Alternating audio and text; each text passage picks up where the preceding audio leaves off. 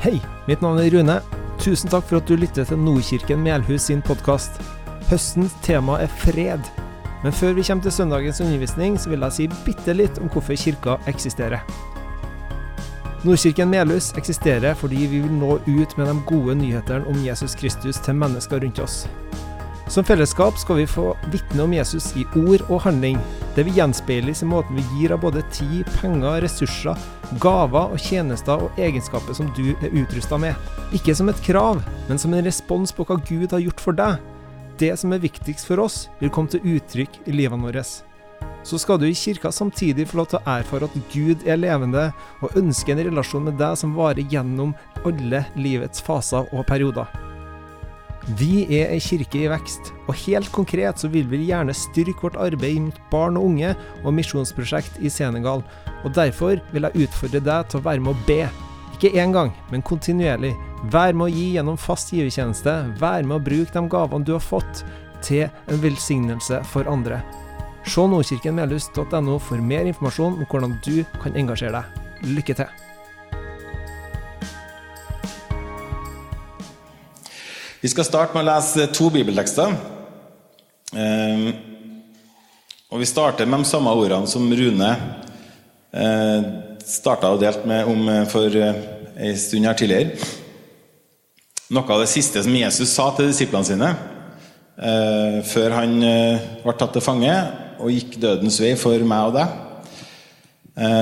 ofte har jeg hørt at liksom sånn, folk sier at på slutten av et liv så kan det komme mye som er vettugt.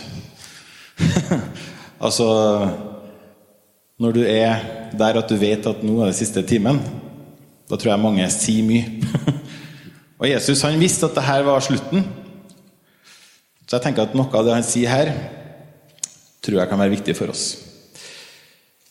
Um, I Johannes 14 og i kapittel 25 så er det Jesus som snakker. og sier det her har jeg sagt dere mens jeg ennå er hos dere.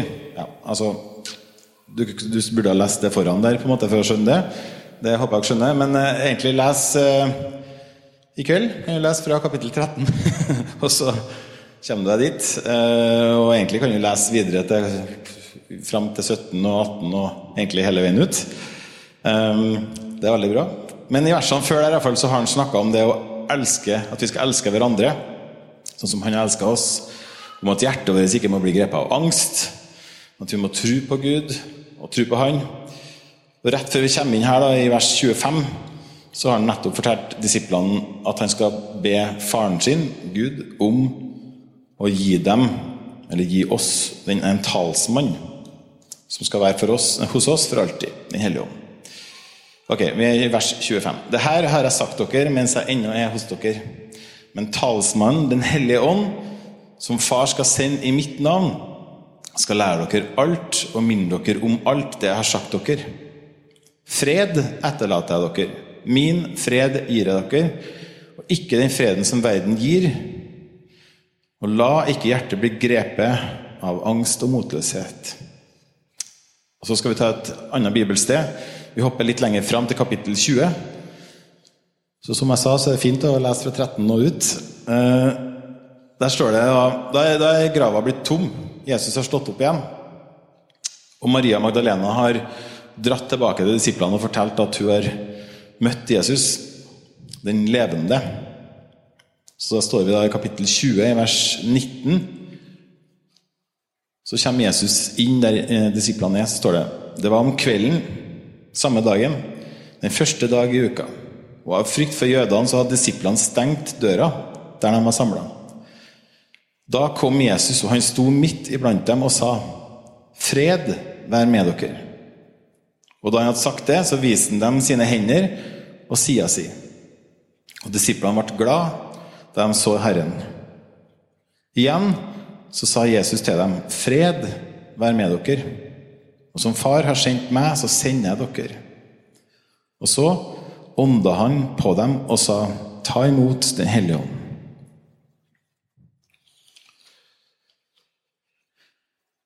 I vår så snakka vi om eh, etterfølgelse. Vi snakka om det å bli fylt av Den hellige ånd. Og vi har fått eh, ord som har gått på det med at det trengs olje for å få til brød. Og at vi har mye mel i huset. Så husker jeg tilbake til når Arnevåg var her. Og vi har også fått ord på at vi må gå i hans sko, og ikke våre egne. Og på flyeren her, for høsten her, ligger ute i gangen, tror jeg, eh,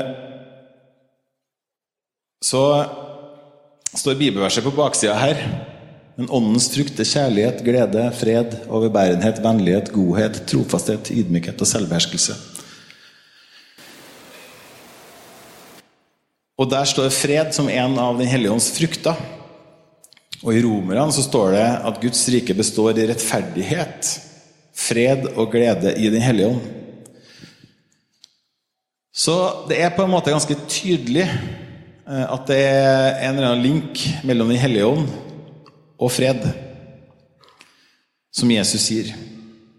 Og det, viktig, det virker viktig for Jesus. For når vi leser bibeltekstene fra Johannes, så møter han disiplene og sier det flere ganger. Fred etterlater dere.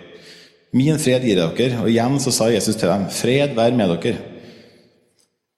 Som far har sendt meg, så sender jeg dere. Ta imot Den hellige ånd. Så i dag vil jeg snakke om fred og Den hellige ånd. er planen. Så får vi se hvor det lander hen. Men den ånd som Jesus eh, snakker om, altså Den hellige ånd, og som han så inderlig ønsker å gi oss, eh, tror jeg har for veldig veldig mange dessverre blitt ganske ukjent. Og han har blitt kanskje frykta. Og dessverre så har han også blitt en sånn eh, ting som har splitta oss, eller delt oss, som kirke. Nå snakker ikke om oss her, men sånn kirka som helhet. Og det er utrolig trist. Um, og så er det sånn at Med en gang vi begynner å snakke om det her, så blir det litt vanskelig. Fordi da begynner salen å dele seg i hvert fall to, om ikke i tre og fire òg. Fordi noen er sånn at de har vært for, i setting hvor det har vært for mye og man har rulla rundt og vært mye kaos. Og så har man tenkt at det her vil jeg ikke ha noe med å gjøre. Og så har noen eh, aldri hørt om, snakket, altså, lært om og opplevd og blir sånn Nei, det her er farlig. Og så Ja, dere skjønner bildet. Vi er forskjellige akkurat når det gjelder her òg. Ta meg, for eksempel, jeg vokst opp i en hjem hvor jeg må si at sjansen for å høre Den hellige ånd er ganske høy. Håper jeg, i hvert fall, vil jeg tro. Min far var prest og har vært det i vet ikke hvor mange år. Og moderen var, hun, sa det når jeg, jeg ble uh, kobla på med Gud, så hun sa at uh, jeg har alltid ønska meg en pinsevenn. så, så, det er jo interessant. Men uh, nok om det. Uh, det er sånn at jeg vokste opp i et kristent miljø, jeg gikk i kor, jeg var på 100 gudstjenester og satt og tegna sikkert og kjeda meg en eller annen plassen. For å sprang rundt omkring. Og jeg var med på hele Dere kjenner det, eller mange av dere kjenner det i hvert fall. Men jeg kan ikke huske nesten fra hele den tida der at jeg hørte noe om Den hellige ånd. Eller jeg fikk noe undervisning om Den hellige ånd. Eller at jeg erfarte Den hellige ånd. Og Nå sier ikke jeg at det er mamma og pappa sin feil, for det har jeg skjønt etterpå. At de eh, vet jo hva Den hellige ånd er. Men jeg visste ikke. um, så for meg så ble den på en måte, i beste fall, en, en kjent fremmed. Hvis dere skjønner? Jeg visste litt om henne, eller hadde hørt noe om henne, men jeg visste ikke hvem han var. Um, I en undersøkelse som George Barna eh, fra Cultural Research Center ga ut i 2001, nei, 2021, beklager, så kommer det fram at han har blitt ukjent. 58% av dem som er sjølutnevnt kristen i Vesten, tror ikke at Den hellige ånd er en person som det går an å bli kjent med. Um, eller å bli kjent av. 58% Det er ganske høyt. Så hvis en av de fruktene som Den hellige ånd gir, er fred Og Jesus, når han møter disiplene, sier 'Min fred ønsker jeg gi dere', og han gjentar det, og så puster han, og så gir han Den hellige ånd til dem, så tenker jeg at det må være en sammenheng her. Men dessverre så er det sånn at vi Han er ukjent for mange. Eller han er en kjent fremmed. Og ikke bare for dem som ikke går i kirka, men også for oss i kirka. 58% det er typisk Der for den. 58% det er ja, over halvparten. det regner jeg med dere vet. Men Den hellige ånd, han er den tredje personen i guddommen. Han er del av treenigheten som det er mulig å bli kjent med. Og Den hellige ånd er ikke en kraft eller en sånn som skal jakte og jage etter og få tak i. Eller fang. Det tror jeg fort kan bli en sånn annen Nå, nå sporer jeg litt av, men jeg husker på når jeg gikk i Salem for sikkert 20 år siden. Da var det Tølsa. Det er jo sånn litt sånn ute på en fri eh, del av kirkesamfunnet. Eh, menighet i Tølsa som de gikk med sånne antenner. Har sånne, du har sånn diadem med sånne antenner på?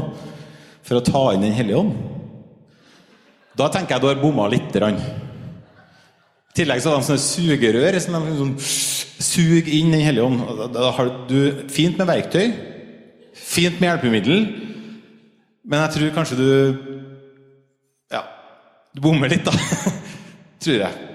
Men eller, jeg skal ikke være for bombastisk, for det har jeg lært meg, at Den hellige ånd kan gjøre mye rart.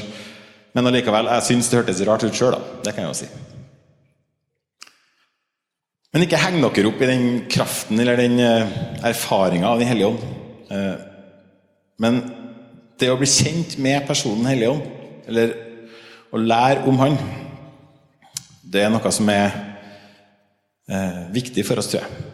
Og så tror jeg det er forskjell på det å bli kjent med og det å lære om. For hvis jeg hadde begynt å stalke deg nå, eller begynt å eh, Kan ikke norske ordet for stalke engang. Eh, hva er det? Forfulgt deg på sosiale medier, eksempel, da sier vi. Forfulgt deg, det høres helt brutalt ut. Men ok, hvis jeg hadde begynt å liksom saumfart alle sosiale medier og Instagrammen din og sånn, hvis du har det, så kunne jeg funnet ganske mye info om det. Jeg kunne ha søkt opp på Google og se hva har du gjort, og hvem er du, og du, du, Og jeg kunne ha fått visst en del om det. Men du har fremdeles vært Altså, du har blitt litt mer en kjent fremmed enn bare en fremmed. Jeg hadde fått vidt litt mer om det. Jeg ville hatt mer info, men fremdeles ville det vært en fremmed. Og så når vi så den videoen der nå i stad fra Senegal, hvor de sitter, de her karene under treet og spiller dam og kort og Det ser jeg veldig lite av i Norge. At vi sitter rundt omkring og bare henger. Det i hvert fall ikke i min verden så ser ikke så mye av det. Det er noe med den tida som vi har, som er litt for dyrebar til at vi velger å prioritere å sitte og spille dam. Og siden mange av oss lever i en sånn hverdag hvor vi opplever at det er lite tid, eller i beste fall at tida i hvert fall går Den kommer ikke, men den går. Så tror jeg ofte vi kan kjenne på at livet med Gud, og det fellesskapet i kirka, og det å få påfyll At det også blir en del av en sånn stressboble. En greie som du må Ja, du må prioritere. Og du må søke Gud og prioritere troslivet og bli enda Ja, du må søke Gud, da. Og det blir enda en ting du må gjøre. Og det stjeler tida vår. Og det blir noe vi må produsere eller få til eller eh, få tid til. Og Det tror jeg er litt sånn utfordringa vår i denne eh, tida. Eller det som har vært sånn, tror jeg, sånn hele tida. Folk har hatt det travelt sikkert siden tidenes morgen. Men uh, opplevelsen er kanskje lik. Men jeg tror uansett at det er litt mer kjør nå enn for 100 år siden. Og så er det litt sånn trist, fordi det er på en måte ikke det å søke Gud. Det er egentlig ikke en sånn, det skal egentlig ikke være en sånn tidstyv. Det er egentlig det motsatte. At hvis du søker Gud, så får du tid.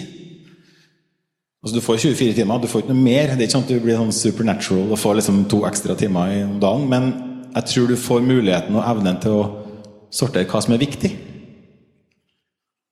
og velge annerledes.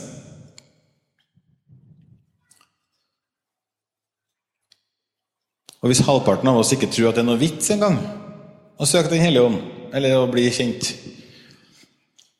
så er det jo i hvert fall bortkasta tid å søke Gud.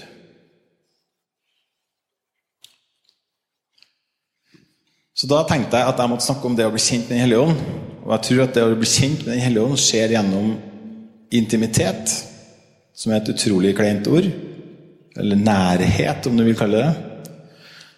Det skjer gjennom hellighet og tro. Intimitet, nærhet. Fordi Gud ville ikke bare ordne sånn at vi kunne komme inn i hans nærvær, men han ville altså komme inn i oss med sitt nærvær. Og Bibelens historie handler mindre om en Gud som Eller en, en, en, som, en Gud som vi må liksom komme oss til, eller jobbe for å finne, eller Men det handler mer om en Gud som kom til oss.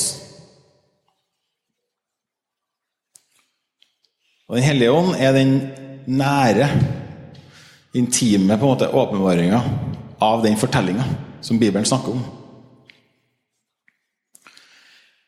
Hellighet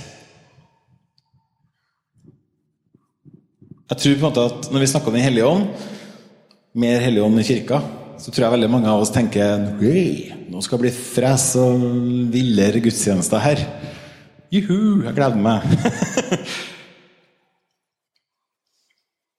Men vi snakker om Den hellige ånd. Han er hellig. Og jeg kan være den første til å si at jeg vil gjerne ha mer fres i kirka.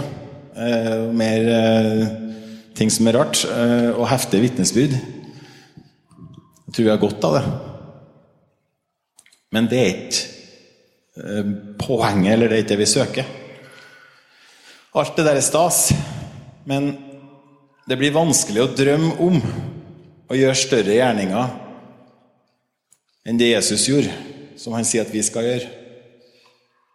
Når vi ikke kommer oss gjennom en middag med venner uten å kjenne på at liksom sjalusien eller materialismen bare kryper seg inn i tanken vår. Eller at den avhengigheten vi har til porno, ikke vi klarer ikke å komme oss fri. Eller at vi har et utømmelig behov for anerkjennelse. Å bli sett. Sånn at vi til og med har det som utgangspunkt for de gode gjerningene vi gjør. Eller det at vi har det som utgangspunkt at vi har lyst til å bli sett og bli anerkjent. Så vi jobber og jobber og jobber. Og jobber. Og står på og strekker oss langt. Sånn at for enkelte så blir livet vårt jobben. Så er ikke vi til stede verken i familien eller i fellesskapet eller i vennskap. Så tror jeg det er sånn at Jesus ikke senka standarden for hellighet. Synd går ikke sammen med Guds nærvær. Det er fremdeles den ene tingen vi kan gjøre og fylle oss med, som adskiller oss, eller som gjør at det ikke blir mulig eller plass for Gud til å være hos oss og i oss, sånn som han har ordna det som han skal være. Men sjøl om Jesus ikke senka standarden for helligheten, så endra han vilkårene som vi er gitt. Og Søren Kirkegård eh, sa en gang, eller skrev en gang, at synd er ikke brudd på moralske regler, men det er å ikke ville være seg sjøl framfor Gud. Når jeg først så det, tenkte jeg det stemmer jo ikke. For det er jo sånn at det, altså, synd er jo å bryte moralske regler. Altså, man, jeg, jeg har tenkt sånn langt opp igjennom. Men det er sant, tror jeg. Fordi Gud har endra våre eh, vilkår. Han vet hvem vi er, han døde for oss på grunn av det. Og så er det sånn at det å bomme på de moralske reglene, det visste han at vi ikke Altså, vi kom til å gjøre det. Men han har ordna en vei, sånn at vi kan komme inn framfor han. Og være framfor han sånn som vi er. Og så sier Søren Kirkegård at det er det som er synd. At vi ikke tørs, eller vil, være sånn som vi er framfor Gud. Så hvis vi søker Gud, så viser vi litt av det fine vi får til. og så lar vi det som vi sliter med, som er i mørket, eller som vi henger fast i sjøl, det lar vi bare under teppet med det, så ikke vi, det trenger vi å ta opp. Så prøver vi å fikse det sjøl, alene i mørket, istedenfor å være i lyset. Og Så sa jeg at jeg tror vi blir kjent med Helligånden gjennom nærhet, intimitet, hellighet og tro. Og jeg tror Helligånden er førstebevegeren for vår tro nå. Han kan gi oss en fornemmelse, eller vi kan høre hans stemme, som noen sier. Eller kjenne på innsida at vi skal gjøre det, eller vi skal gjøre det, vi skal snakke med han, eller vi skal gå til den personen der, eller vi skal velsigne han med økonomisk, eller vi skal be for den personen der. Og Ofte så tror jeg det er en fornemmelse som kan være utfordrende for vår komfortsone. I hvert fall så er det sånn for meg. I don't know you. Men eh, sånn er det for meg. Og enkelte ganger så har jeg blitt eh, eh, overraska og takknemlig over min kone. For hun er veldig flink til å bare kjøre på. og det har vært med og prega meg. Sånn vi har hatt mange ganger hvor vi har hatt besøk hjemme hos oss. Og når vi er på vei ut eller i en samtale, så kan Marianne bare si ja, men da ber vi om det. Og så tenker jeg ja, det gjør vi. Sånn senere en gang. og det tenker egentlig de som er på besøk òg. Og så sier jeg da ber vi om det nå. Og så ber jeg. Og så blir det sånn Ja, det gjør vi selvfølgelig. Ja, det gjør vi. Fordi det er jo det som er Altså, ja. Trua er der at vi ber. Og så merker jeg òg at det er en sånn uvanlig ting iblant også. At vi sier ja, men da ber vi om det. Og så ber vi for hverandre. Man kan si 'husk på meg', eller ja, 'du må be for meg', og så går man, og så vet man aldri om man ba eller ikke, men iallfall så håper vi jo det. Men det er en uvanlig ting for oss òg, at vi ber for hverandre. Og jeg tror tro er eh, noe som er med å virke i oss. Og så tror jeg at Gud, når han taler, så tror jeg eh,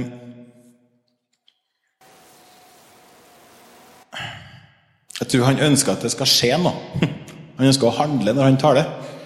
Gud sa 'la det bli lys', og så ble det lys. Det var ikke sånn 'la det bli lys', og så tenkte han det var en fint sagt. Så satte han seg ned, og så venta han, og så skjedde det ikke noe. Men han, det var kobling mellom den intensjonen og handlinga. Og Det ser vi i Jesus òg, når han gikk omkring og vandra rundt omkring. Så fikk han medynk, eller han, han kjente på noe overfor noen. Og så handla han. Han metta dem som var sultne, fordi han kjente at å, her må vi gjøre noe. Og han ga synet tilbake til han blinde. Og han befridde hun som var besatt. For han kjente på noe her.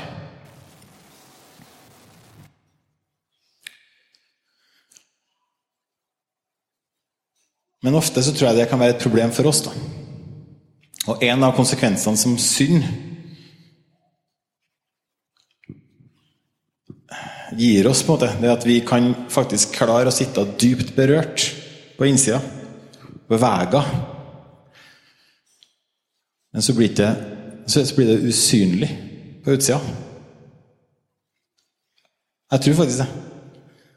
Eh, vi kan sitte og kjenne på, og så vises det ikke. Eller får ikke noe handling.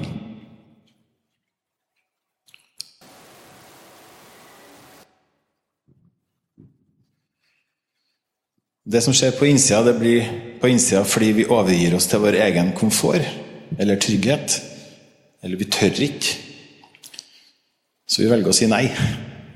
Vi finner en logisk forklaring på at uh, nei, men det passer ikke akkurat nå, fordi etter det. Så en definisjon som jeg har hørt på tro, som jeg syns var veldig rar først, som jeg syns etter hvert har blitt ganske fin. Og det er at tro, det er mengden tid som går fra at Gud tar det, og til vi handler. Skjønte dere den, eller tar dere den? Så jeg tror at ved å gå i tro, eller ved å handle i tro, så kutter vi ned det gapet mellom at Gud tar det, og at vi handler. Mellom at vi får en fornemmelse, og at vi gjør noe med det.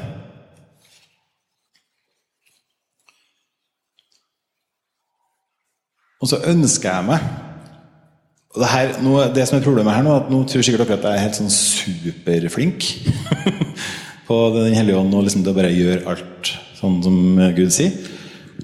Det er ikke sånn det funker for noen av oss, tror jeg.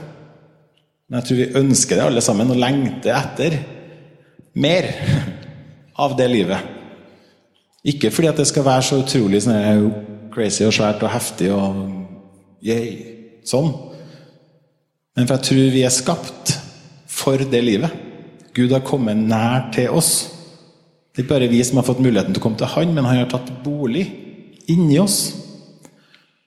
Og Den hellige ånd er i oss. Og jeg tror det er en hensikt med at Han er i oss. Ikke bare at vi skal få lov til å være Hans barn, men at Han skal få lov til å være med og være vår veileder i livet. Gi oss råd, gi oss vink. Og han skal være med å overbevise, når, overbevise, oss når vi må komme til Gud og si 'Beklager, jeg bomma igjen'. Sånn at vi kan fremdeles være bærere og være en del av det fellesskapet, det livet. Og i det lange strekket så tror jeg også det handler om at vi skal få lov til å gå med evangeliet til andre mennesker. Det står om fredens evangelium som sko på beina.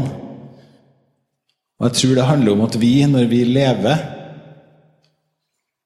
med Gud, så vil det være en måte å ha på seg skoen på. Og vi går ikke i våre sko, men vi går i hans sko. Vi skal ikke prestere det sjøl, men han kan gjøre det gjennom oss.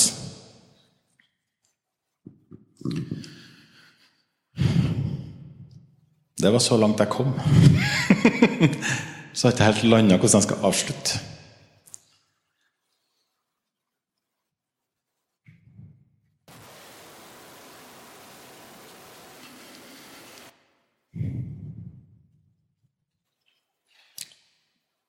Jeg tror at vi har muligheten til å få den prosenten på 58% som ikke tror at Den hellige ånd er en gang bli kjent med, eller som er en levende virkelighet.